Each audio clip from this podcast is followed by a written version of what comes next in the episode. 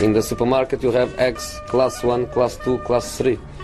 And some are more expensive than others and some give you better omelets. That's the wrong information. Wrong, wrong, wrong information.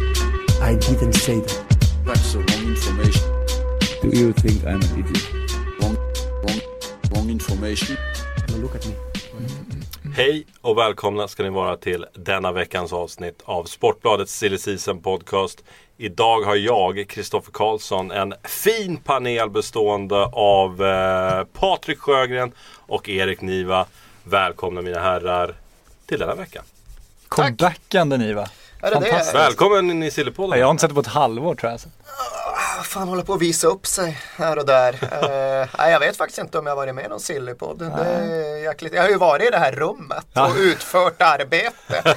Sen vad det egentligen har använts till, det kan jag inte Folk rullar på. in dig någonstans och sitter du där någonting men sen rullar de ut Ja, dig igen. det, det är mitt liv. Ja, fan vad härligt. Vilken superstjärna. Jag tänker vi börjar så här eh, sedvanligt i Premier League och den stora snackisen så här i dagarna.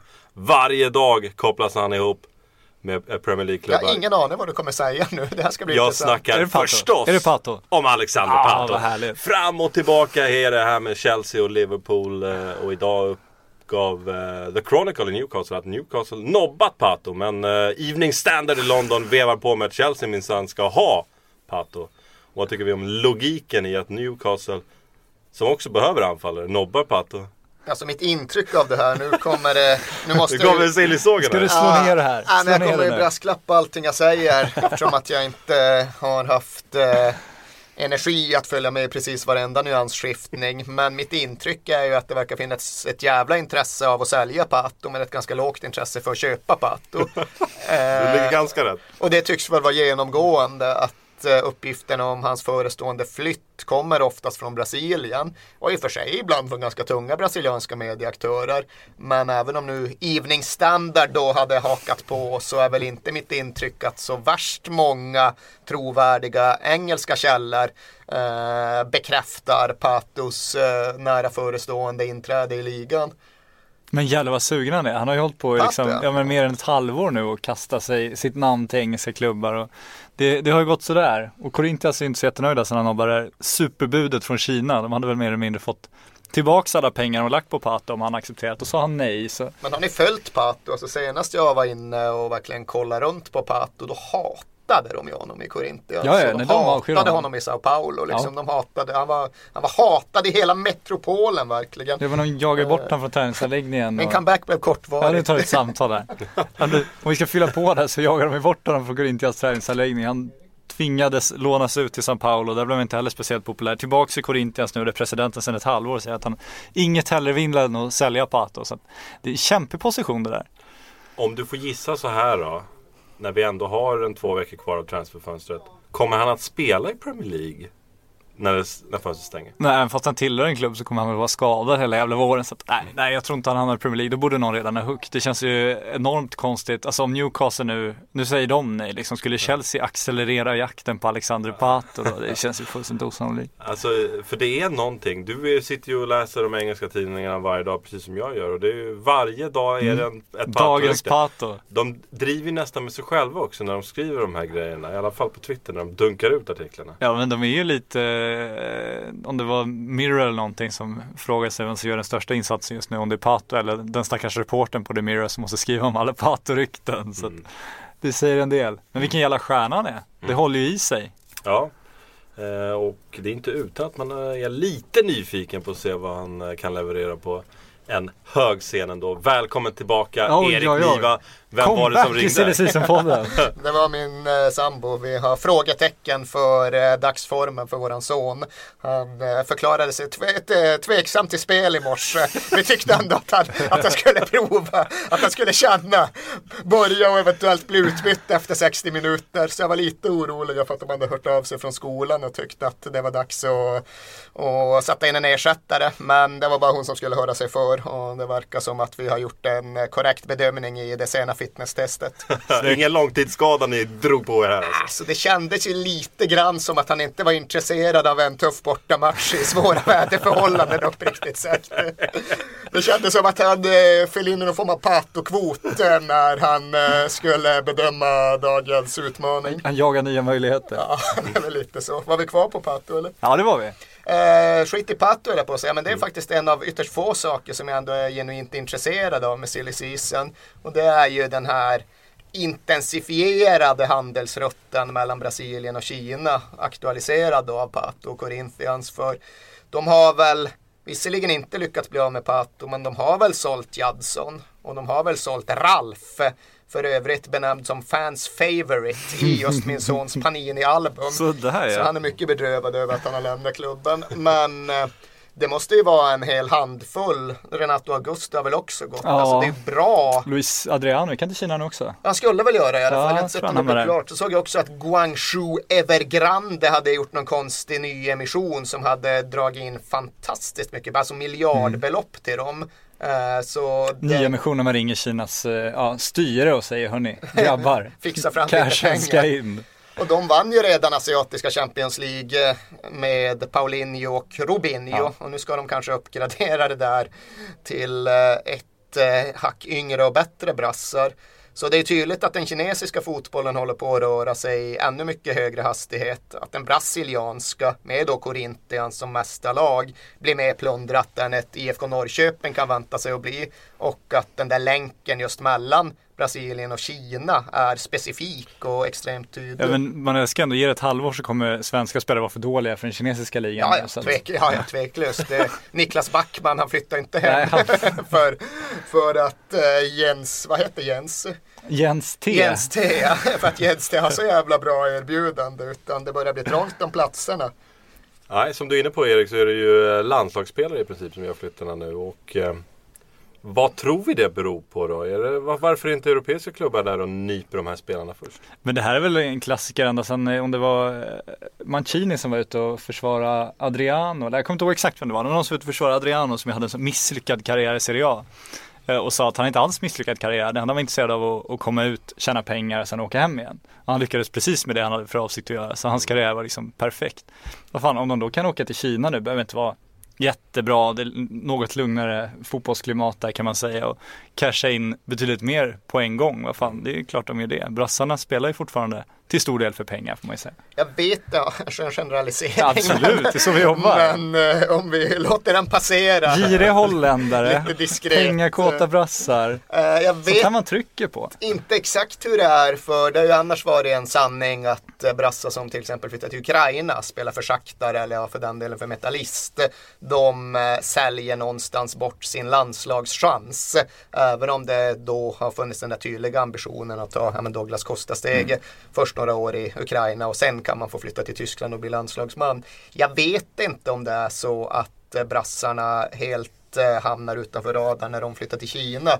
Eller om Dunga har en bra kinesisk satellit. Jag vet ju att förbundsapparaten pratade i de termerna till vad fan tror ni, vi kan inte följa en massa jävla ukrainska matcher. Liksom. Jag vet inte riktigt om de resonerar likadant med Kina. För just så här Renato Augusto och de, det är ju spelare som borde kunna vara med i en landslagsdiskussion och historiskt sett har ju brassar varit väldigt intresserade av att spela landslagsfotboll. Enligt Patrik Sjögren är det andra intressen Ja, som styr nu för tiden. Men så är det väl där ute. Cashen ska in. Ja, så är det. Så är det. Ja, Gustav Svensson är inne på samma spår. Han tror att han ska få lira landslagsfotboll och EM här eh, om han spelar i den kinesiska ligan. Så Hamrén älskar ju scoutresor, det har vi sett historiskt. Så det går nog inga problem. Stackars Albeck, nu jävlar får han resa. Mm, här sitter jag och scrollar på Renato Augusto. ja, vad scrollar du på? Ja, jag skulle bara kolla vart fan det var Renato Augusto gick och det var just i Beijing Guan. Det här märket ser ut som det märke som Erton Feisulao en gång bar. Jag ska inte säga att jag är säker på dessa uppgifter. Jag måste erkänna att jag är än så länge jävligt dålig på att särskilja den ena kinesiska klubben från den andra. Ja, men, Men eh, vi- vilka, alltså eh, om vi, om vi säger så här då. MLS-fotbollen. Hur, hur pass ifrånsprungen har den blivit av den kinesiska ligan här? Det känns som att det, det går undan här. Men det känns som det är lite olika attraktionskrafter. MLS handlar väl mycket om ett drägligt liv, en, en skön vardag. En, eh, Och myten lika- varva ner eller? Varva ner lika mycket som, eh, som pengarna på något sätt. Alltså när David Villa kommer till New York och pratar om att det är så härligt att han kan gå till Central Park med sina ungar och se dem åka skridskor och ingen känner igen dem när de har sin mössa. Alltså åker, åker Renato han, Augusto drar på sig sitt smågskydd och glider ut i Beijing-trafiken och säger det här är så Precis, och är en dess längre än alla andra. Det känns inte som det är riktigt samma eh, aspekter som spelar in i Kina. Ska man vara riktigt fördomsfull och gissa så kanske det är lite indiska ligan stil på Kina, att alla sitter samlade på ett hotell och väntar på sina matcher ungefär. Som Shakhtar nu också agerar i och för sig, men det är en annan historia. Så det, det är väl lite olika attraktionskraft. Kina åker man till för att åka hemifrån med det var, var det Dannys manager som sa det tror jag, han skulle släppa sin första Zenit Danny eller Danny Saucedo. Eh, Danny Saucedo, Danny Saucedo. Det är dit jag ska på Det är så här begreppsförvirring. Ja, jag märkte ändå att du hade något. Ja, när hans manager säger att han ska släppa sin första singel så säger han, "Nej, men det här är inte riktigt min stil, jag vet inte om jag gillar låten. Men Danny, ibland, ja, då måste man dra ner byxorna lite och sen dra upp dem jävligt fort igen med betydligt mycket mer pengar i fickorna. Det är så man gör när man åker till Kina. Herregud. Ja, det, var, det var en bra läxa att leva efter. Någonting lite mer konkret. Om vi tycker att Pato är lite flummigt så här i dessa tider så är ju som du skrev idag eh, Sjögren, Naismith, Steven Naismith är på, är på, har varit på läkarundersökning hos Norwich. Ja, kan nog vara kvar fortfarande. Det är mycket att Vad undersöka fan på den det här har kroppen. pågått länge ändå känns det som. Ja. Det känns som att det har varit klart med 8,5 miljon pund i två veckor i alla fall. Mm. Men extensiv läkarundersökning. Ja, för fan, mycket undersöka på 29-åring. Ja, men det blir väl klart och det är ju en bra spelare även om det känns sinnessjukt att konstatera att Steven Naismith numera eh, omsätter 100 miljoner kronor i övergångssumma. Eh, reservationen är väl någonstans att eh, ja, han är inte en center. Jag ser ju snarare honom som en ytterforward än en klassisk center. Eller han kan springa i någon form av tia-roll också. Eh, men just den där spetsforwarden som jag fortfarande tycker Norwich saknar, även om de nu tog in Mbokani häromsistens. Eh, det är han inte och därför tycker jag väl kanske att det är lite för mycket pengar för en lite för gammal spelare som inte är exakt det de faktiskt behöver. Men vad tycker du om John Joselvis prislapp? Vad blev den? 12 miljoner pund eller vad blev Ja, den? 150 någonting sånt där, miljoner svenska. Ja, alltså Premier League-priserna de kommer ju fortsätta skena något, ja, kanske ännu snabbare de närmaste åren i och med att eh, alla pratar nu om att mellanskiktsklubbarna har fått så mycket pengar och kommer få ännu mer nästa säsong och det kommer de ju.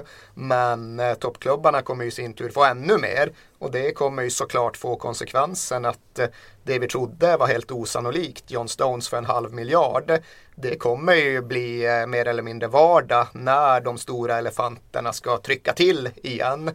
Så att John själv kostar 150 miljoner och att Steven Naismith kostar 100 miljoner det tror jag att vi kommer behöva vänja oss vid väldigt snart.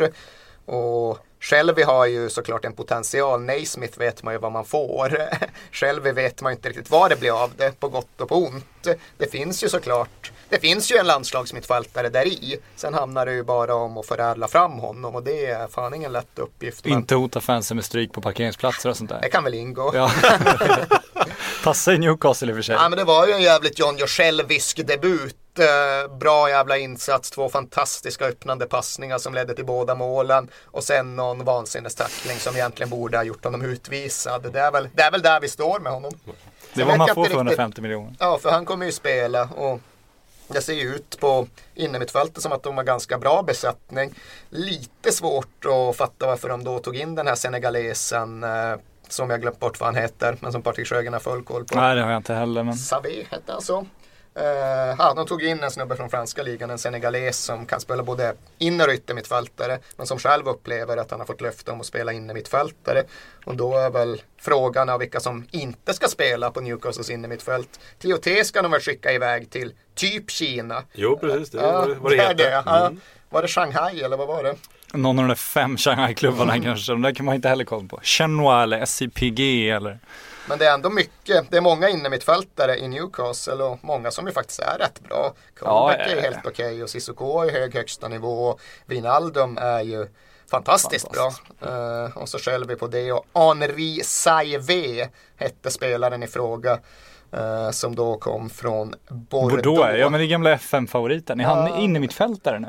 Ja, så han påstår sig vara det Jag vill ju minnas honom som, i alla fall från FM, som en jävligt lovande anfallare. Så jag har bara förutsatt att han är anfallare. forward, Ja. men han hade några uttalanden där han själv sa att han var lovad att spela inne mittfältare i Men, Newcastle. men han känns som en riktig Mike Ashley-värvning. Där tror jag inte McLaren har scoutat. Utan där känns det som Ashley har någon gammal, någon gammal FN-polare som sagt att här jävlar, här finns det potential. Här kan du tjäna pengar Mike. det är väl Kliv in på Saivé för fan. Det är väl Graham Carr han heter, alltjämt Newcastles chefscout som ju byggde upp sitt rykte på att hitta kabajjuveler i den franska ligan. Och han hade ju extremt bra framgång med det ett tag med Papis och Dembaba-laget som väl kom femma men eh, vars filosofi väl blev mer ifrågasatt ju längre tiden gick. Men jag förutsätter att det är hans värvning. Men Saivé har ju alla haft ögonen på när han var liksom 17. Så att det är det är inte sån här oupptäckt juvel direkt. Men undrar varför alla andra nobbat under alla år. Om, om han nu ser någonting i honom, Carr. Jag tror han blir bänk.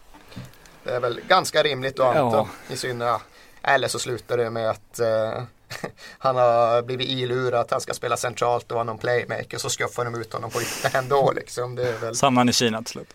Lika länge som Naismith har kopplats ihop med eh, Norwich så har eh, Everton uppgetts vara på jakt efter Jarmolenko från Dynamo Kiev. Rak ersättare till Naismith där. ytten. Yttern. Och jag satt här äh, häromdagen och äh, mitt i den här ryktesvärmen och försökte pinpointa det året då Jarmolenko blev liksom en sån här sillegigant som liksom varit med oss sedan dess. För han har ju varit med många fönster i Irak nu. Många Det handlar om Konoplyanka och Men blev inte båda de heta i anslutning till EM 2012? Ukraina, Precis det jag satte hemmanation på dem i också. Sveriges grupp liksom. Eh, Ett bra EM där. eh. Eller ett okej EM. Ja, de var väl inte svinbra, någon av de yttrarna Det var det jag tänkte också, det kanske till och med var innan EM som de här två yttrarna liksom målades upp som Här är männen som ska storma igenom EM. Och Så var det nog. Och så är det ju fortfarande. Och det är ju de individuellt sett två bästa ukrainarna som har kommit fram sen Shevchenko egentligen. Sen är det ju dessvärre så att ytterst få ukrainare lyckas sådär fantastiskt bra med en snabb flytt till Västeuropa. Konoplyanka har ju varit okej i Sevilla. Han har inte fått spela så oerhört mycket men han har varit rätt giftig när han väl har fått chansen. Uh, Jarmolenko är i ett jäkla råämne, har en så här skön liksom Chris Waddle-lik vaggande spelstil. Men jag skulle ju ändå ha en ganska stark reservation just för hans eh, akklimatiseringsförmåga. Och dels vet jag ju att han är rätt lynnig och har en rätt hög tilltro till sin egen förträfflighet. Men sen finns också den här Patrik Sjögren-generaliseringen kring svåranpassade ukrainare. Men du tycker alla generaliseringar Ja, på er? det- de är dina nu för tiden. Ja, jag tar det. Eh, för eh, tesen är ju att ryssar inte kan eh, spela i Premier League. Kommer Och då det funderar jag, Patrik gäller samma, gäller samma för ukrainare här? Ja, så nu kommer ju inte västukrainare vara så där fantastiskt glad på mig. Men eh, det finns ju någonting i att eh, ryssar och ukrainare väl inte skiljer sig så där extremt mycket från varandra. Oh, aj. Brödrafolken var de ju en gång i tiden, även om det kanske inte låter så vid fronten i, runt Donetsk längre. Eh, men det är väl i alla fall generellt så att det inte är så jättemånga ukrainare som är fantastiska på engelska. De har inte vuxit upp med, de har inte vuxit upp med Coronation Street på tvn. Eh, Jag minns- älskar vår fördomskarta vi håller på. Kan vi inte dela in hela världen nu efter? Vad har vi med då? Ge mig afrikanska om vi ska generalisera. Kan vi riva in en hel Bosse världsdel också? Hansson-kvoten. Jag kommer ihåg, det var Ja, den var ju svår när Bosse, ja men det var ju Bosse Hansson när han någonstans skulle, ja, han skulle inte backtracka, han skulle ju på något sätt motivera sina uttalanden och då var det ju ännu jobbigare när han inte gjorde det. För då försökte han ju förklara att det egentligen bara handlade om att han inte ville ha in flera spelare med samma spelstil. Och då var det liksom då det han menade att den svenskfostrade Martin Mutumba skulle ha precis samma spelstil som en kille från Ghana som i sin tur hade exakt samma spelstil som killen från södra Afrika. Och den är ju ganska svår att få ihop även på en fördomskarta kan jag väl spontant tycka. Vagt. Också konkret idag annars är eh, Daniel Amartey till Leicester. FCK bekräftar att man är överens med Leicester om eh, en övergång på 5 miljoner pund. Blev det så mycket? Jag såg 35 miljoner danska men det kanske är fan, danska kronan så jävla hög. Det kanske den är. Vilken krona är det som har dalat? Det är norska kronan som har dalat. Ja, den har ju sjunkit som fan. Oljekronan. Kan vi generalisera lite kring norrmän också, men det skiter vi i nu. Ja, det, kommer fördomskartan Amartey, sen. Djurgårdsbekantingen, allsvensk bekantingen. Eh, hur kul är det att få eh, en sån profil till, till Premier League? Och hur kul är det för Djurgården att få 10% av kakan, ungefär Ja, men- 6,1 miljoner kronor? Jag tycker man ska, det är klart det var bra av Djurgården att skriva in eh, vidareförsäljningsklausulen men, också, men man ska inte glömma att de gjorde det för att de fick en bra jävla rabatt på priset, FCK från början. Det, han var ju värd mer när han gick då. Vad gick han för? Han för 10, det där ska vi googla på för säkerhets skull. Men det var ju tal redan då om att det var liksom därför, så man motiverar prislappen och så vidare. De räknar med att en vidareutveckling där, det var inget snack om att han skulle vidare. Så att det tycker jag inte är så konstigt. Däremot tycker jag att det är fascinerande att eh, FCK fortsätter att bara fylla på med svenska landslagsbackar och att svenska landslagsbackar tycker att FCK är the shit. Ja, vilka spelar kvar där? Antonsson är kvar va? Antonsson är kvar, Erik Johansson, Per Nilsson. Pelle Nilsson. Sen eh, försvann ju Mellberg. Finns det någon högerback där? Nej det tror jag inte, inte av svensk nationalitet. Men de har ju inte gjort succé liksom. Augustinsson har ju varit Ja, bra. jo visserligen, men jag pratar om mittbackarna nu. Ja, det kanske var ett tag sedan. Pelle Nilsson, är han tillbaka från skada eller? Ja, tveksamt, han är väl den som ska ut nu också påstår de efter Amartey. Så Och då att, Antonsson går inte att flytta på. Eller han har de redan flyttat på kanske. han ska väl eh, Han spelar- Johansson flytta på. Han spelade inte supermycket i höstas. Så jag vet faktiskt, eh, silly season-ryktenas eh, studio eh, till ära, att han var väldigt sugen på MLS. Jag har ingen aning om hur sugen MLS var på honom, men Ja, Antonsson ja. Ja. Just det, det har jag också hört. Ja men han är en jävla profil. kan de sälja kalsonger där. Sveriges trevligaste fotbollsspelare, jag vet inte om det går hem i USA. Det ska man vara lite mer kaxig kanske. Jag, jag kan inte bara låta Erik Johansson passera utan jag måste ju också för, eh, förklara. 2,5 miljoner euro till eh, Köpenhamn snackas det om, runt 20 då. men det var ju inte skitlågt, det var det inte. Nej, men man visste ju redan då att det här kommer ju Jo, man leda till större klubbar än FCK om man säger så. jäkla, jäkla råämne. Och sen har ju FCK, ja, de har gjort det bra med honom. Han har Ja. gjort det bra där. För han är mycket bättre nu av det jag har sett än han var när han lämnade allsvenskan. Det är inte så att han liksom har att det är samma spelare nu som när han stack från Djurgården. Utan han har ju verkligen utvecklats till en full karate inne i mitt fältare. Och Leicester, visst de har ju Ja, jag höll på att säga, de har Kanté och Drinkwater som startar. Så har de Schweiz landslagskapten Gökan Inler lite sådär i reserv. Så det är väl där han ska in och knuffa bort i första hand Inler då. Andy King får han käka upp eh, medan han ändå håller på. Och sen ska han väl in, ja inte vet jag, istället för Kanté då. Men Kanté har ju varit en av ligans bästa bollvinnare den här säsongen. Så ja, det är inte jättelätt att se att Amartey går in där och spelar inne mitt eh, från första början. Det är det inte. En långsiktig värvning när det börjar säljas lite grann från Leicester i sommar. Det är väl en ganska rimlig gissning skulle jag säga. Eh, han kan väl alltjämt spela mittback också. Där kan jag väl känna att de är tunnare. Inte rent fysiskt för Vasilevski väger en jävla massa kilon. Men när inte Hoot och Wes Morgan spelar då är det just Vasilevski. En riktigt gammal, riktigt trög, förvisso stenjävla hård polack. Men eh, jag har vi på polacker? på polacker generellt alltså. Ja. Oj, det, det är mycket i dessa tider. Eh, nej, men jag vet inte om Leicester då tänker sig att han ska kunna spela mittback också och i vilken utsträckning Amartey också tänker sig det i så fall. Men på ett sätt hade det varit rimligare att värva en ung och utvecklingsbar mittback än en ung och utvecklingsbar inne mittfältare för dem. Ni nämner Erik Johansson som idag blev klar eh, på femårskontrakt till eh, FC Köpenhamn. Jag tänker inte låta den passera utan jag måste ju rasa lite grann över den här Mr övergången. Euro. Äntligen, bra. För att eh, jag ser nyheten eh, svepa förbi mig lite snabbt. Eh, Erik Johansson till Köpenhamn och jag tror instinktivt att det är ett lån. Den här gode mannen kom ju till Gent för inte så länge sedan. Han kom ju i somras va? Ja, skrev fyra år sedan. Mr Europe. Mm. Varför Mr Europe? Jag sitter bara och säger Mr Europe. Det här har vi gått igenom. Ja, det här minns jag inte. Alla, alla dessa generaliseringar och... Det här är väldigt specifikt. Det, Ja, är, verkligen, det är ingen svepande generalisering om att alla i hela Belgien är Mr Europe. Även om man kan tro det. i- Varför är han Mr Europe? Eftersom att han värvades med, um, med den uttryckliga önskan att han skulle förstärka laget inför det internationella Champions League-äventyret. Så blev han då Mr, Mr. Europe, Europe. i folkmun nere i Gent.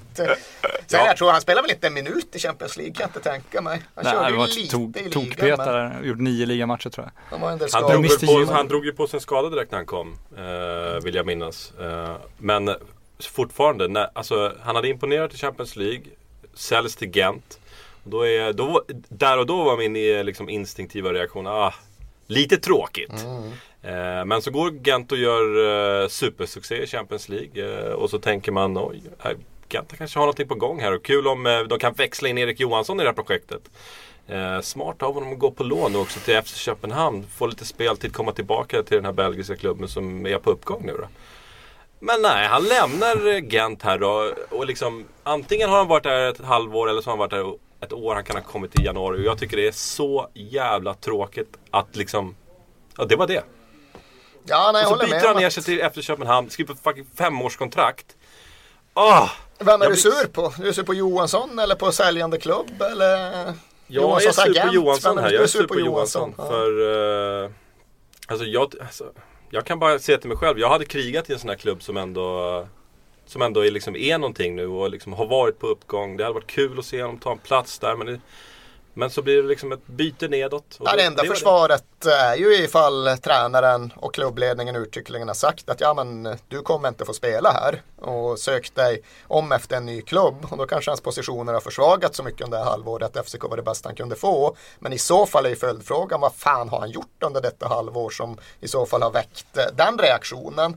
Eh, jag vet inte exakt hur dialogen såg ut mellan Erik Johansson och klubben.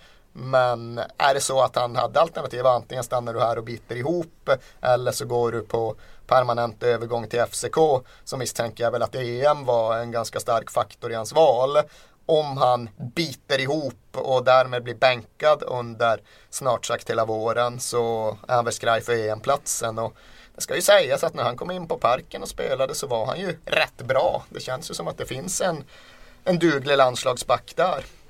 Jag gör med dig Kåken. Jag tycker Köpenhamn också är enormt tråkigt. Jag tycker alla som gått till Köpenhamn varit enormt tråkigt. Pelle Nilsson till Köpenhamn var enormt tråkigt. Olof Mellberg var ju bara sorgligt liksom. Alltså, Augustin jag- så förstår ju men det var ändå, kändes också som ett så här lite halvonödigt mellansteg på ett sätt. Det blir- blir väl det nya mellansteget när man är för stor för allsvenskan i sina egna ögon. Då är FCK ett realistiskt alternativ tillsammans med vissa holländska klubbar. Eh, Det är liksom den enda skandinaviska kvoten som i spelarnas ögon kvalar in där känns det som. Alla får sin artistskatt och så mot det så går de med på att säga att FCK är Skandinaviens största klubb varenda gång de presenterar. Så det är en bra deal. Hur går det för FCK nu? Leder de ligan eller är det Midtjylland som krigar på? Eller vad händer? Inte en suck. Googla Kåker, du har datorn framme. Jag Googla. tror, eller jag är ganska säker på att Men de plockar ju Sverige. Amartey kändes ju också som det var liksom, alltså där visar de ju styrkan när de går in och plockar dem direkt från Djurgården. Jag ska ju understryka att nu tycker jag att Djurgården fått bra betalt med ihop de här tillsammans. Men jag tror också att det var det här de räknade med hela tiden. Så att det kommer inte som en oväntad extra bonus. Alltså för mig är det en sak om Erik Johansson när han var het där eh, efter Champions League-äventyret med Malmö hade gått till ett eh, Borussia Dortmund eller någonting. Och sen, Jo, det tror jag Fredrik Johansson också tycker. Men ja, och så kan han på en långtidsskada där och känna att den här uppförsbacken är för brant. Men Gent, kom igen. Alltså, och så tillbaka till Köpenhamn. Ja, de leder danska ligan. En poäng före Ålborg. Ålborg är där alltså. Midtjylland 3. Men, ja, men säg att Erik Johansson har fått det här liksom. Ja, men, Ja, du, det är om, om man har fått det du säger här liksom. Du kommer aldrig få spela här. ja, men säg att han har fått det här då. Ja, du är fjärde val under våren. Du är väldigt långt ifrån att starta. Du kommer kanske få dina minuter men några starter kan du inte räkna med. Eh, hur gör Erik Johansson då med EM på horisonten? Ja. Ge mig en utlåning, säger man. Men han var ju redan inne i landslagstruppen. Det var ju inte så att han det övertyga och slå sig in. Han var ju liksom... istället. Du har liksom ett långt kontrakt med Gent här. Det var minst tre år kvar. att kohandla med Ståle. Ståle, han säger det allt eller inget. Nej, och sen är jag ju också såklart förbannad på FC Köpenhamn också som, eh, som står för de här tråkvärvningarna. Ja, du vet när man ser en svensk som man hoppas på lite grann. Så kommer FCK, sätt klona i honom och det bästa man kan hoppas på det är att han är Daniel Amartey och säljs till Leicester. Ungefär så. minns för några år sedan när FCK ändå gick ja, bra i Champions League när de gick vidare från gruppen. Slog Panathinaikos där med 3-0 i avgörande gruppspelsmatchen och fick Chelsea och var bra. Då var det ju ändå lite sådär att Sverige generellt, om man nu ska prata Patrik Sjögrens språk, tyckte att ja, men fan, en skandinavisk klubb går vidare i Champions League, ger lite hopp till andra och sådär. Men eh, ja, det var väldigt lite av den här diskussionen kring vad FCK faktiskt är för klubb, ja, men hur ny den är, hur modern den är, hur eh, svårt det är att hitta de där riktigt djupa traditionerna i den klubben. Eh, Det var ju mest ett jävla snack om deras arena vad vill jag minnas. Som hade, fan- Parken och ja, Don Ö. För han, han sitter väl inne fortfarande Flemming Östergård tror Jag jag. hoppas jag nästan ska jag inte säga. Men, Ja, det vore ju festligt om inte annat. Ja, nej fy fan. Den där glasväggen längs ena kortsidan där det bara är typ kontor och gym och skit liksom. Måste Nej. ha gym vet du. Fy fan. Måste kolla om Flemming Östergård sitter inne. Ja det är viktigt faktiskt. Ja, det är det. Vad har vi på danskar? Det är mycket fängelse där. Annars så vinner eh, Manchester United ytterligare en match under Louis van Gaal och eh, nu sitter han säkrare än på ja, i alla fall två, tre månader någonting sånt där. Eh, men frågan är ju alltjämt Kommer United lita på van Gaal här och värva någonting i januari? Tyst hittills. Men jag tycker, alltså det här fascinerar mig överlag. Det här vill jag ha Eriks eh, input på också. Ja, men, men vänta, jag måste vi- bara hinna klart med Flemming Östergård. Ja, det måste du faktiskt. Eh, Flemming Östergård, han, han eh, glider nu, det är klart han gör. Han blev dömd till fängelse. Kina. Ja, Exakt, jag måste bara, fan förstår inte danskan här. Han blev idömt fyra månaders obetingat fängsel.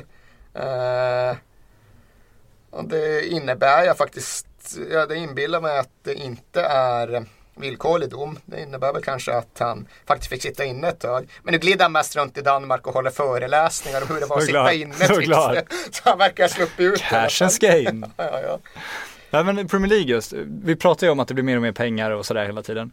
Men vi, och att det ska bli värre, pengarullningen ska bli värre, det ska bli större affärer och allting. Men känslan är ju redan från förra vinsterfönstret att det liksom, hela transfercirkusen den har liksom snarare lugnats ner än accelererats. Vi ser ju inte en Fernando Torres på januarifönstrets sista dag nu. Vi ser liksom inte de här riktigt stora ryktena utan det är liksom Steven Naismith och det pratas om att Sadio Mané kanske ska flytta. Vad beror det här på? Ja, det beror väl någonstans på att eh, de stora dominobrickorna som kan få den där riktiga pyramiden i svang, de är väl mer eller mindre oflyttbara.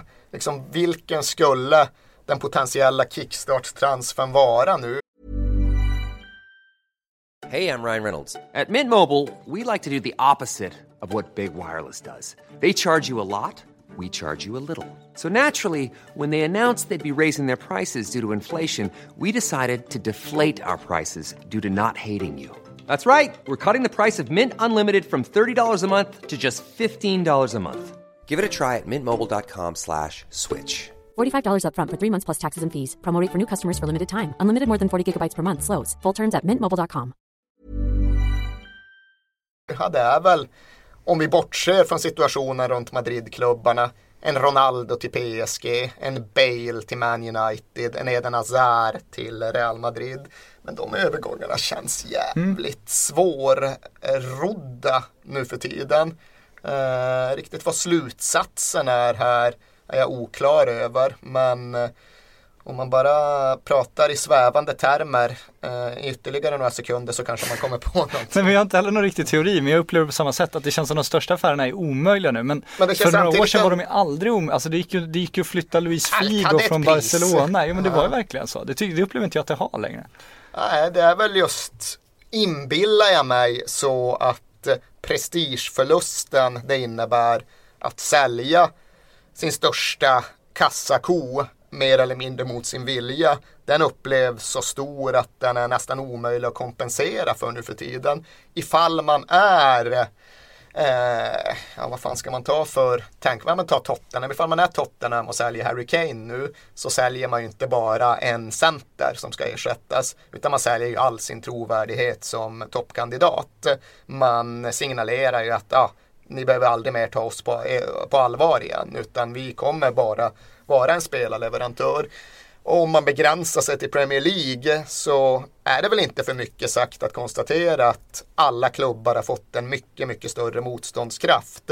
Visst, om man trixar tillräckligt länge med Southampton så får man loss Schneiderlin till slut. Men just tro att Jävlar det är man värt det.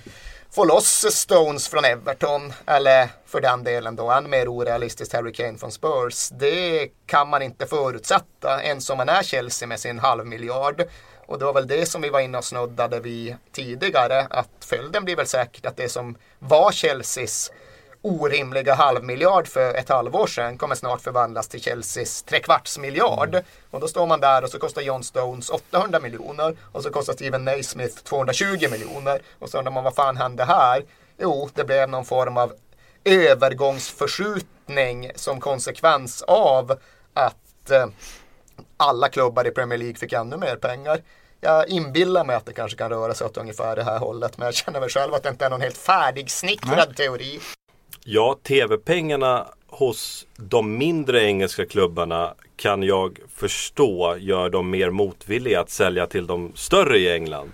Men det jag inte kan förstå lika väl det är att Nolito sitter i Celta Vigo med en utköpsklausul på 18 miljoner kronor, eller 18 miljoner euro. Vilket är småpotatis för klubbar som Manchester United, Arsenal, Chelsea, Liverpool. Ja, just i det specifika fallet kan jag väl kanske misstänka att det handlar om att Nolitos stab indikerar att han är mindre sugen på att flytta till Merseyside och mer sugen på att flytta till Katalonien. Eh, men sen tror jag väl också att det finns en generell motvilja hos Premier League-klubbar att pröjsa några hundra miljoner för en 29-årig spanjor än att pröjsa några hundra miljoner för en yngre spelare med Premier League-erfarenhet.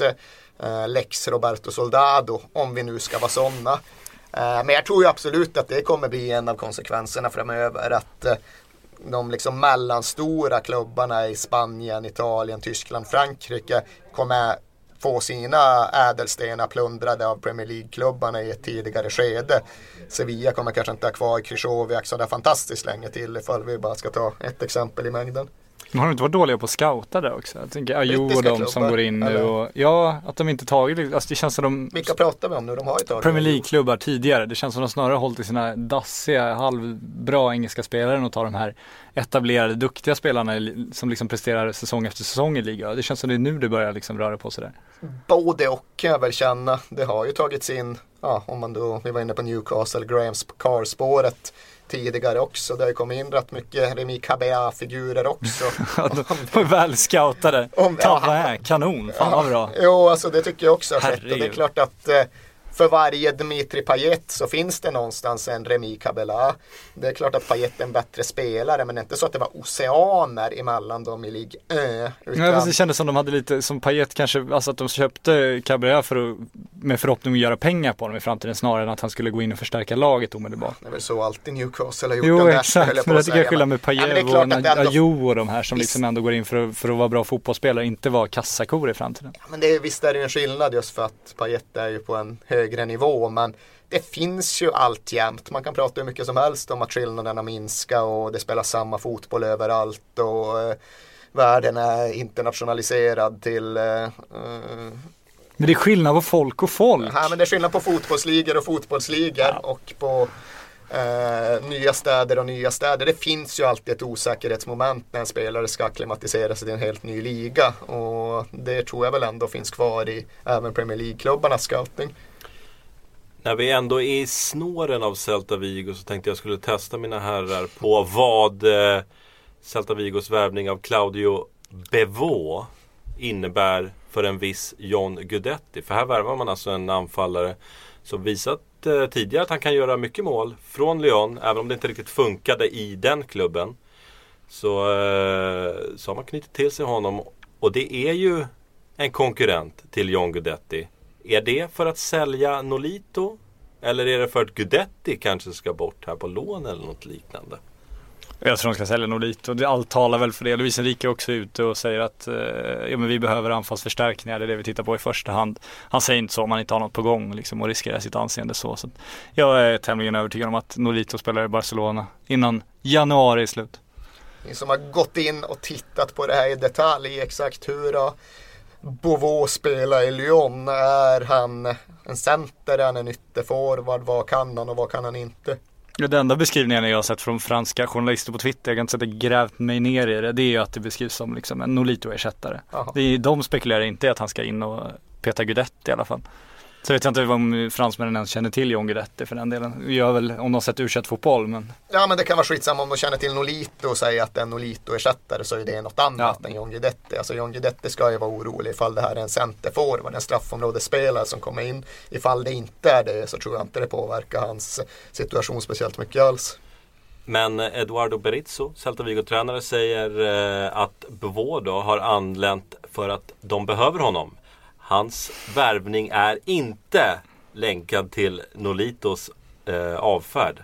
Han har inte anslutit för att ersätta någon. Är Berizzo en lögnare här? Sjögren, Ögren. chilenare, hur är de fan? egentligen? Exakt, det måste reda ut nu. Ja, men det är väl jävligt dumt att eh, liksom presentera honom som en ersättare innan du sålt Nolito. Det är en ganska taskig förhandlingsposition om Nolitos affär faller så då hamnar du, tappar du också ditt ansikte då. Det vore väl idiotiskt att säga något annat. Ni som vet sånt och följer med i sånt. Nolito har en klausul som är alltså 18 miljoner euro. Vad säger Barcelona om det? Att de inte riktigt har, eh, eller att de, är, de har en annan prioritet just nu, vilket är att förlänga Neymars kontrakt. Ja. De har ju inte jättemycket pengar Barcelona just nu. De har ju en dyr trio längst fram. Det kommer ju bara bli dyrare med tanke på vad de presterar också. Och Arda ska främst spela 10 har de tänkt sig eller vad? ligger en väldigt bra där? fråga också. Han ska kunna ersätta, eller han ska kunna vara en bänkspelare som kan ersätta på vardera kant i tridenten. Okej, jag sa något om att Luis Enrique just var ute och konstaterade att ja, så som vi spelar är eh, det som lämp- är bäst lämpat för honom att just vara tia.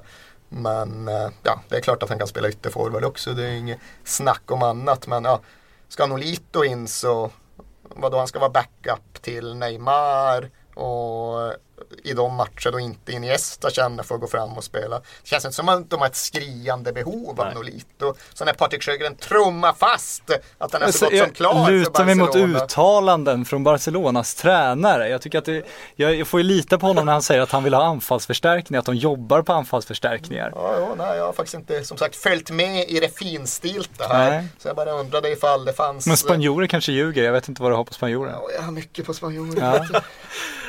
Klart är ju att det är lyxproblem både för Celta Vigo och eh, Barcelona. Eh, två klubbar som har lite större problem i dessa dagar är ju Atletico Madrid och Real Madrid som har gått Barcelonas tidigare öde till mötes och fått två fönsters värvningsförbud. Och om vi antar att de kommer stå sig, att överklagan kommer inte att eh, åstadkomma någonting. Så vad sitter de här klubbarna i för sits nu egentligen? Barcelona värvade ju under, eh, under värvningsförbuden. Eh, men ska de göra det i sommar så har de ju fortfarande ett, Ett år. förbud i januari. Så liksom sommarvärvningar nu är ju helt uteslutna. För då får spelarna inte spela på ett år. Eh, så- Men nu alltså förutsätter du att en överklagan blir verkningslös Mm. och det har jag ju svårt att se. Jag utgår ju ifrån att de lyckas skjuta fram den i alla fall tillräckligt länge för att kunna värva en del av sommaren. Det är mitt eh, det är där jag utgår ifrån att så lär det väl bli. Eh, Och då är ju liksom hela de Gea och för den delen kanske Hazard alternativen öppna och i spel. Jag skulle förvånas mycket mer om det verkligen blir så att de inte alls kan varva i sommar än att de i alla fall kan varva under en del av sommarfönstret.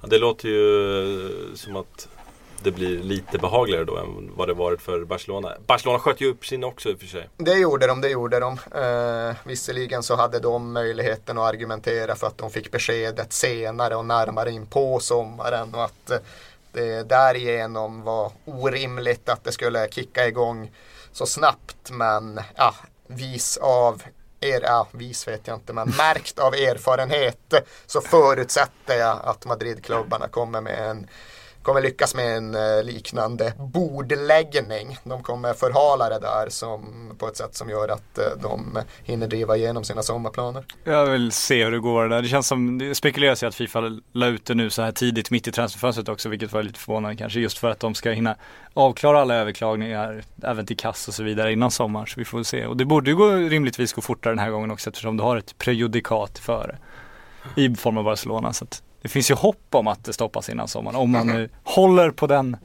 den versionen av det hela.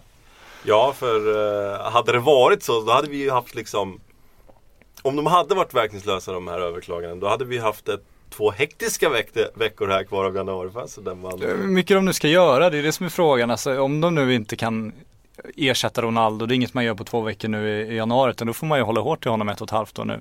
Sen såg man ju också i somras ganska tydligt att de värvade många unga spelare, inte minst Atletico. och Real gjorde också det som de lånat ut och sen kan ta tillbaka som du fortfarande kan registrera från utlåningar. Så det känns ju som de faktiskt förberedde sig på det här redan då. Det skulle vara väldigt förvånande om de inte visste om det då. För det har ju spekulerats i det här ända sedan Barca fick sitt straff. För min favoritstory idag bland sillyryktena det är spanska fichajes. Den här trovärdiga, den här Ja, källan de till kunskap. vevar eh, vilt och brett. Jag har Eh, ens hört talas om den här källan. Vad är det för något? den är fin. den är flitigt använd i bloggen. De, eh, de kör hårt nämligen. Den är lika, lika bra som Don Ballon som inte ens finns längre men ändå skickar ut rykten. För de uppgav idag att Atletico Madrid vill eh, värva tillbaka eh, Diego Costa här under fönstrets sista dagar. Ja, den har väl hängt med ett tag. Men eh, för att verkligen få affären i hamn så är de redo att köpa honom, låna tillbaka honom till Chelsea för resten av säsongen. Då Chelsea också eh, har ont om anfallare. Så då är det, men då får man honom i, eh, i sommar. Ja, men den varianten har ju förekommit just att de ska hinna köpa spelare med, på, med förbehållet och att de ska lånas tillbaka. Det har ju spekulerats om det kring de Gea också men jag tror inte Manchester United är så sugen att play ball på det sättet. Eh, ah, vi får se, jag tycker ju inte att eh, det indikeras att eh, de spanska tungvikterna har börjat liksom desperat jaga efter att pumpa igenom halvmiljardsvärvningar under resten av januarifönstret. Jag får inte alls de signalerna utan jag tycker just att de verkar de verkar gneta på med avsikt att bromsa hjulen snarare än att skena iväg för att försöka sätta fart på dem. Ja, vilket behov har de då egentligen? Alltså, det är ju klart, Real Madrid får inte loss Eden Hazard nu liksom. Det hade eventuellt gått i sommar, då hade det kunnat vara en Galactico. Men, men det finns ju ingen så här superskriande lucka i laget heller som man upplever. Så som du mycket väl vet efter alla år i dessa sammanhang så är behovet på planen oftast ganska jävla underordnat jämfört med behovet på marknadssidan. Och det blir ju allt större för varje fönster. Ja, ja, man kollar bara på Barcelona, de hade sitt transferförbud nu och det ledde till att de vann allt som gick att vinna den säsongen. Så att det gick nog rätt bra på marknadssidan då också, en känsla av. Ja, det gäller att börja i, i Några, rätt Asi- ände. några Asien-turnéer, några besök i Kina så har man nog fyllt på kassan en del. Hela transferfönstret och innan transferfönstret så har Liverpool kopplats ihop med halva Europas målvaktsbesättning. Mandanda var det jag såg ett tag nu. Jajamän, Sirigu bra. har man ju Sirigu hoppats på. Kommer inte hända. Ja, vad hände som- med honom egentligen? Ja, Senast jag pratade med er skulle ni ha honom till Roma. Det var Ja, vi har ju klart jobbat på det här. Ja, det är klart har vi aldrig sagt. Det var vår förhoppning. Vår förhoppning. Ja, men han verkar stanna. Han har ju gett sig fan på att ta, ta tillbaka sin plats i PSG. Nu fick han ju chansen också. Ja. Så att eh, det, det, trappas upp den kampen om den målvaktsplatsen. Mm. Tog ni den? Ja, snyggt. Ja, In the words of Agnostic Front. Gotta, gotta, gotta nu går han ut det. Nu Nu ska går han ut det. Då tackar vi Erik Niva för idag. Jag och eh, Mitt i Sjögren sändning. öser på. Mitt i Mitt inspelningen. Stormar ut. Du stormar ut. Gör det med lite, gör det med lite ilska nu också. Ska Kalla mig storma- Fatman och gå Fatman, det nu. är jag som är Fatman. Kör Jag nu. stormar så jävla långsamt att det inte går att använda som Instagramfilm för Patrik Sjögren. Så långsamt ska jag storma. Det här kommer hårdredigeras. Det är den långsammaste Ja, det går inte fort, det gör det inte. Oj, oj, oj. Fatman. Det är snart ute. Kör Fatman nu. Fatman. Kör Fatman. Ja, tack Erik Niva för det. Men, och så helt plötsligt så har vi fått en ny vändning i den här sagan. Att Simon Mignolet uppges skriva nytt Han får ju förlängt nu. Det är ju helt absurt. 2020. Det är ju helt absurt. Jag förstår ingenting. Och så, eh, det, tabbarna har ju inte slutat komma. Nej, nej, det är fantastiskt fascinerande det här. Det är som att eh, Chelsea eh, skulle förhandla med, eller förlänga med Branislav Ivanovic. Vilket de också gör. Så att det nej, fascinerande hur det där fungerar. Man undrar eh, vad Jörgen Klopp ser i Simon Mengolé. Sen var väl om det Shearer som var ute och, och eh, slaktade Jamie Carragher och menade att de som dödat Simon Mignolet, det är de experter i TV som sitter och kritiserar honom för misstag som han inte ska belastas för. Och så har de liksom brutit ner hans självförtroende på det sättet så att han till slut har blivit en så dålig målvakt så att de har hävdat att han var hela tiden. Det är en intressant teori. Alltså faktum är ju att Liverpool har ju ingen andra målvakt heller. Bogdan är ju på väg bort nu också. Han, ju, ju han, var, ju knappt en andra målvakt, han var ju knappt en andra målvakt innan dess heller. Ja, nej. Men Simon Mignolet kanske som andra målvakt då eh, fram till 2020 med en eh, ordentlig målvaktsvärvning här i januari eller i sommar. Men det är ju fascinerande i hela Liverpool. Om man läste eh, Brendan Rodgers intervju med Sky Sports nu. Så pekar han ju ut i stort sett alla fel under sin tid i Liverpool la han ju på transferkommittén. Han sa ju att det var, liksom, det var gemensamma beslut värvningarna men han hade absolut inte sista ordet någon gång. Och när de sålde Suarez mot hans vilja, då blev han lovad att Alexis Sanchez skulle komma in. Och så tog de in Ricky Lambert då som alternativ till Sanchez för att kunna variera spelet. Slutar med att Sanchez går till Arsenal, han står där ensam med Ricky Lambert, tvingas ta in Mario Balotelli som han själv inte tyckte alls pa- passade kravbilden, men som ledningen då tvingade igenom för att de såg att de fick en 50 miljoners punds spelare för 16 miljoner pund. Och då krävde att han skulle utveckla honom. Var tvungen att gå med på det. Han blev även eh, fixad på eget initiativ. Dele Ali hade honom klar från NK Dons med en eh, personlig förhandling med MK Dons dåvarande manager. Klubbarna Liverpool lyckades inte komma överens med MK Dons om köpsumman. Det hände ingenting med det. Liksom, det på gång, på gång, på gång. Han hade en jättebra relation med Raheem Sterling hävdar han fortfarande. Hävdar att det, liksom, det var mer eller mindre klart att han skulle förlänga. Det hände någonting uppe i klubbrummet som inte fungerade. Det, och sen mest intressant av allt, nu rabblar jag på här men Ja, det var att han hävdade att eh, transferkommitténs strategi, hela klubbstrategin, är alltså värva unga spelare under 24 år, förädla dem och sälja vidare. Han hävdar alltså att Liverpool i första hand är en, en säljande klubb, en utvecklande klubb, en allsvensk klubb om man så vill. Det är den strategin allsvenska klubbar brukar prata om. ett Celta Vigo och ett allt möjligt. Ja, istället för att vara en klubb som värvar färdiga spelare för att gå för titeln. Det tyckte jag var extremt intressant. Ja, det är men det är en amerikansk inställning. Ja, men just det här förädla och, alltså det känns så ovärdigt Liverpool att ha den ambitionen och den uttalade strategin att ja, men vi ska förädla spelare och sälja vidare. Vilka ska ni sälja vidare? Ni kan inte sälja till Real varje år. Då är det ju Manchester United, Chelsea, Manchester City ni tänker att ni ska sälja till. Då vill ni alltså utveckla bra fotbollsspelare till era värsta konkurrenter. Då har man ingen som helst ambition att gå för en, in, liksom en Premier League-titel. Det var ju inte ens på kartan i så fall. En annan eh, rolig historia i sillesvepet idag är att eh, Tottenham är på jakt efter en anfallare eh, vid namn Moussa Dembele. Och då tänker ni, eh, men vad fan, ni, de har ju redan Moussa Dembele. Eh, men nej, de har inte 19-åriga Moussa Dembele som eh, gjort succé som anfallare i Fulham och eh, har ett kontrakt som går ut om ett år. eh, 2S-Mosa, eller hur är det med det där? Eh, ja, eh, jag hävdar ju bestämt, eh, jag fick mothugg i kommentarerna i Silverbloggen. Men att Tottenham eh, Mosa stavas med ett S. Och Fulham Mosa stavas med två S. Och det är det enda som skiljer dem åt. De har samma apostrofer i efternamnet och allt möjligt. Och den stora frågan här är ju hur Många engelska- apostrofer de har i efternamn. Nej, men hur ska engelska, eller hur ska kommentatorerna klara av två Moussa Dembele? Alltså, alltså helt seriöst. Hur, hur sköter man det? Ja, men jag, jag undrar ju framförallt, det här får mig osagt att tänka på eh, gamla storboxen George Foreman som ju härom, härom året eh, lanserade sin fantastiska produkt George Foremans Lean Mean Fat Reducing Grilling Machine. där han gjorde sin favorite food, hot dogs! Men han har i alla fall, han har väl sju, åtta ungar och de heter alltså George Junior, George the second, George the third, George the fourth, George the fifth och sen sista valet fick han en tjej och vad heter hon då? Georgina? Georgetta. ja, fan vad hemskt! Vad hemskt! Det är briljant. Så om George Foreman klarar av det, då klarar fan de engelska kommentatorerna av det. Ja, det blir eh, en utmaning. Vi får se hur de löser det helt enkelt. Eh, jag tänker vi eh, tar lite lyssnarfrågor. För de har ju strömmat in i vanlig ordning. Vi kan väl börja med Daniel Wångsten. Till vilken arena skickar ni Kristoffer Karlsson på deadline day? Eh, och det är ju eh, någonting jag är lite nyfiken Det här är på. din egen fråga, eller hur? Det är ingen som skickat in det här. Det är det, Wångsten. Ja, ja, ja. Tänkte kolla på din dataskärm.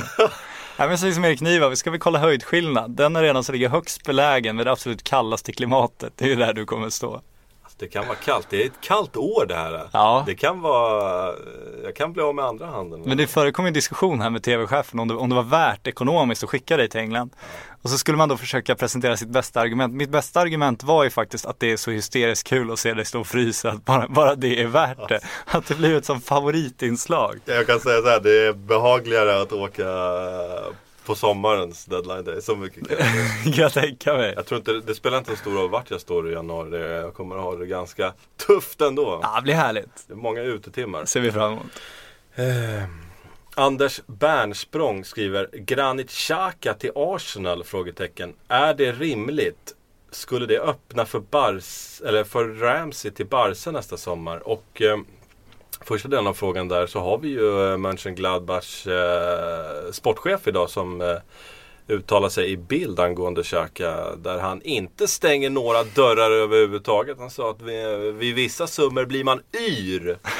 eh, och det är ju en invit så god som någon. Och ganska intressant i förhållande till eh, det vi har snackat om eh, Dortmund och Hans-Joakim Watzke och hans senaste uttalande. Vet, stänga dörrar, liksom alienera Premier League-klubbar, såga Premier League eh, och spelare som väljer Premier League så har vi ju här en, en sportchef Kille som är mer sugen på pengar. Mm, mer sugen på pengar och som vet vad han gör också tycker Ja. jag. Så Granit Xhaka till Arsenal hänger på huruvida Wenger är redo att betala de 30 miljoner euro det skulle kosta någonstans där. Och jag utesluter inte att han är redo att göra det.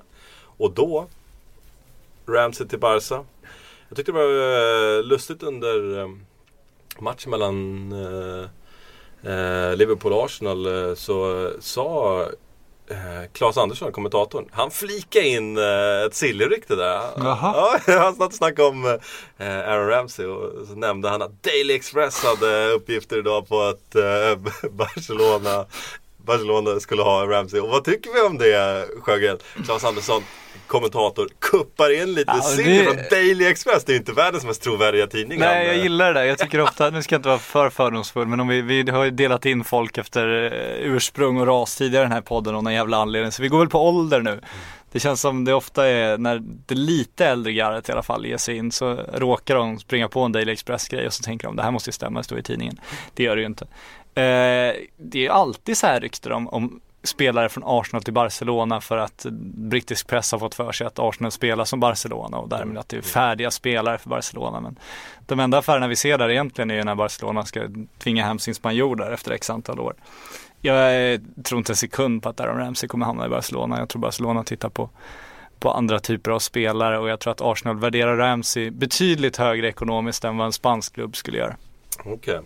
Men eh, vad tycker du om eh, matchsändningar med eh, lite sillrykten i det? Alltså, jag, det är så, Jag tyckte Det- det, var klockrent. det kan jag ju uppskatta. Jag gillade det. Det kan jag ju uppskatta. Sillen är på framfart som Ja, men jag har ju hamnat, jag via play på, eh, på någon smart-tv nu. Vilket innebär att det alltid ligger en fördröjning på ljudet. Vilket jag uppskattar något oerhört. För att så fort det blir målchans så är det tyst från kommentatorn. Jag tycker det är superhärligt. Och sen börjar han skrika lite när målchansen är över på min tv då. Fan, fan vad fint det är när någon slipper liksom, när man slipper bli chockad av att någon gormar när man ska koncentrera sig på fotboll. Jag tycker att det är, jag vill fortfarande, lansera den teorin fortfarande. Alltså, muta kommentatorn, kan man få göra det? Jag vill ha publikljud. Det finns många bra kommentatorer, inget ont om dem, men jag skulle älska att få se en fotbollsmatch med publikljud och ingen kommentator. ja, det är faktiskt eh, ett alternativ som man tycker i denna day and age borde vara tillgängligt. Verkligen så. Eh, Erik Bräcke undrar, vad händer med de Gea nu? Han var ju enorm här eh, i helgen. Eh, och det blir ju intressant här. Vi har ju varit inne lite grann på eh, Real Madrids värvningsförbud. Eh, och eh, som Erik var inne på, Real Madrid är ju inte jättesugen på, eller eh, Manchester United är inte jättesugna på att göra Real Madrid några tjänster kan vi väl anta vad gäller köp och utlåningar och sådant. Eh, men jag kan alltså Manchester United in i Champions League den här säsongen så kan jag nog se det ske bli kvar i United en två säsonger till alltså. Ja, jag tror också det. Jag ska svårt att säga om, om Reals transferförbud nu verkligen håller över sommaren. Då är det svårt att säga att, att de Gea skulle välja någon annan klubb. Jag tror inte att han går till en annan engelsk klubb. Han går inte till Italien. Jag tror inte han går till eh, FC Barcelona som ju inte behöver honom heller. Utan han, han väntar nog in Real i så fall. Sen eh, hoppas ju jag att, att förbudet står sig i sommar också. Alltså inte för att jag har någonting emot Real och Atletico utan för att jag vill att om man nu ska utdela ett straff så får det gärna ha någon slags verkan också. Och då sitter de ju ändå rätt bra på målvaktsfronten. De behöver inte vara desperata där. Eh, Rickard Olsson skriver Är John Joe Shelby Newcastles frälsare? Jag älskar Johnny och värvningen Jag tycker den är helt fantastisk just för att han avslutar sin tid i Swansea med att hota fansen liksom. Vad fan, om ni vill klaga, möt mig på parkeringsplatsen. Det blir inte mer Newcastle än så. Man måste ha in den typen av spelare. Han kommer vara eh, våldsamt värdelös i vissa matcher. Han kommer kunna vara enormt nyttig i vissa matcher. Han kommer vara precis så svajig som Newcastle ska vara. Så det är ju en idealisk värvning det där. Är Adebayor lösningen på Palace anfallskris undrar Anton Järn, Järntved. Och eh, det är jag redo att konstatera att han definitivt är. För Adebayor han är utan kontrakt just nu. Och när han inte har kontrakt eh, och ska spela för något. Säg att han kommer in på ett korttidskontrakt eh, hos Palace det finns ingen anfallare som är bättre. alltså. ja, men jag undrar också varför ingen hugger alltså, av de här desperata bottenklubbarna. Det var ja. väl eh, Tim Sherwood som var ute och sa att det är no-brainer att värva Adebayor. Mm. Får honom bara gå med på ett halvårskontrakt. Alltså sex mål och mums. Ja, oh my god. Herregud. Alltså det är tio mål. Han skjuter vilken ja, klubb som helst ifrån nedflyttning. Alltså, och så får han en, uh, får han en tre, fyra års kontrakt. Det, uh, nej, det jobbiga är ju om man gräver ett och ett halvt nu eller två och ett halvt. Det är då du har problem. det kan ju vara där skon klämmer. För annars, annars är han definitivt lösningen på många, många, många kriser. Eh, Filip Ytterberg skriver om Atletico respektive Real Madrid får göra en värvning innan förbudet. Vem borde de värva? Eh, jag... Eh, Alltså, det, är, svårt att peka på direkta svagheter i något av lagen men jag skulle vilja, alltså rent behagligt Eh, med tanke på Jackson Martinez, hur han har gått i Atletico så skulle jag vilja pilla in en anfallare och då är, ligger ju Diego Costa nära till hands där. Eh, ett säkert kort som eh, Diego Simeone uppges. Om ljumskarna håller.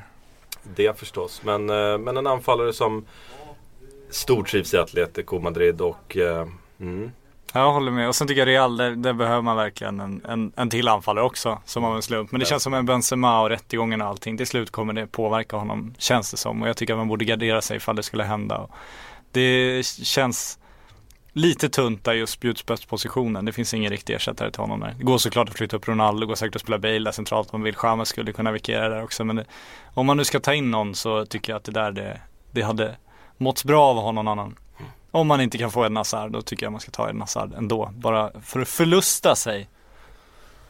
Gustav Lundström undrar, vad händer med Alexander Kacaniklic? Eh, det var ju inte så många år sedan han var en startspelare i Premier League men eh, sen åkte fulla mur, han blev kvar och eh, lyckades spela sig ur eh, startelvan i, när klubben var i Championship. Nu är han tillbaka eh, i startelvan. Men eh, Fulham är ju inte i närheten av att gå upp till Premier League. Och eh, det, det, alltså med tanke på att han gick på ett jätte, jättekort lån till efter Köpenhamn så är det väl inte helt orimligt att han spelar ut sitt kontrakt i, i. Och, och går till FCK. Fy fan alltså, fy fan då knyter vi upp den tråkiga jävla säcken. Men det är väl många sådär, vad hände med Mohamed Tankovic? Vad hände med Tobias Sanna? Vad hände med Samuel Armenteros? Liksom, det, det är de här landslagsvikarierna, det är några som kommit och gått minst sagt. Ja. Fan Mattias Ranegi var inne och spelade från start på Färöarna i en viktig match liksom. Ja. Det har varit några. Tankovic har ju svårt att ta en plats i AZ Alkmaar och det är ju det är inte riktigt där han ska vara i sin ålder just nu. Eh, ska vi se, vi har en till fråga här. Varför går inte storklubbarna i England efter Berrainho? Eh, undrar Kristoffer Åsberg. Och det tycker jag nästan man kan se, sig, se svaret i liksom situationen i West Bromwich. Han är totalt utfryst. Eh, det finns frågetecken kring hans attityd. Eh, det var ju ingen trevlig tweet han skickade ut när eh, flytten till Tottenham sprack där i somras. Och rent generellt så är jag klubbchef så blir jag ju ganska orolig när jag ser liksom hur han bråkat hur han eh, nästan finner sig i att sitta på bänken och eh, liksom inte kriga för någon slags startplats. Så jag tycker eh, där finns det orosmoln och jag kan förstå att det inte är något jätteintresse även om Berahino eh, blivit landslagsman. Men sen är det inte gratis heller om man ska tro uppgifterna så vill de ju fortfarande ha 30 miljoner pund för honom. Mm. Eh, det är ju svindyrt för en kille att sitta på bänken. Mm. Men det verkar ju också som eh, West Bromwich bestämt sig för att straffa honom lite. Att eh, du, du sitter där nu, nu vet du vem som bestämmer. Då har det blivit dags att tacka för eh, denna vecka. Eh, det var ett eh, trevligt och ryckigt avsnitt. Ja, fick, vi ska, fick en in eh, fördomsmänniskan Erik Niva som ju ringat in världens befolkning på ett allt annat än politiskt korrekt, korrekt sätt. Jajamän, vi har spridit fördomar och varit allmänt stökiga. Och vi är tillbaka nästa vecka för mer stök, eller hur Sjögren? Ja för fan, another day in paradise. Ses nästa vecka hörni. Tack för idag.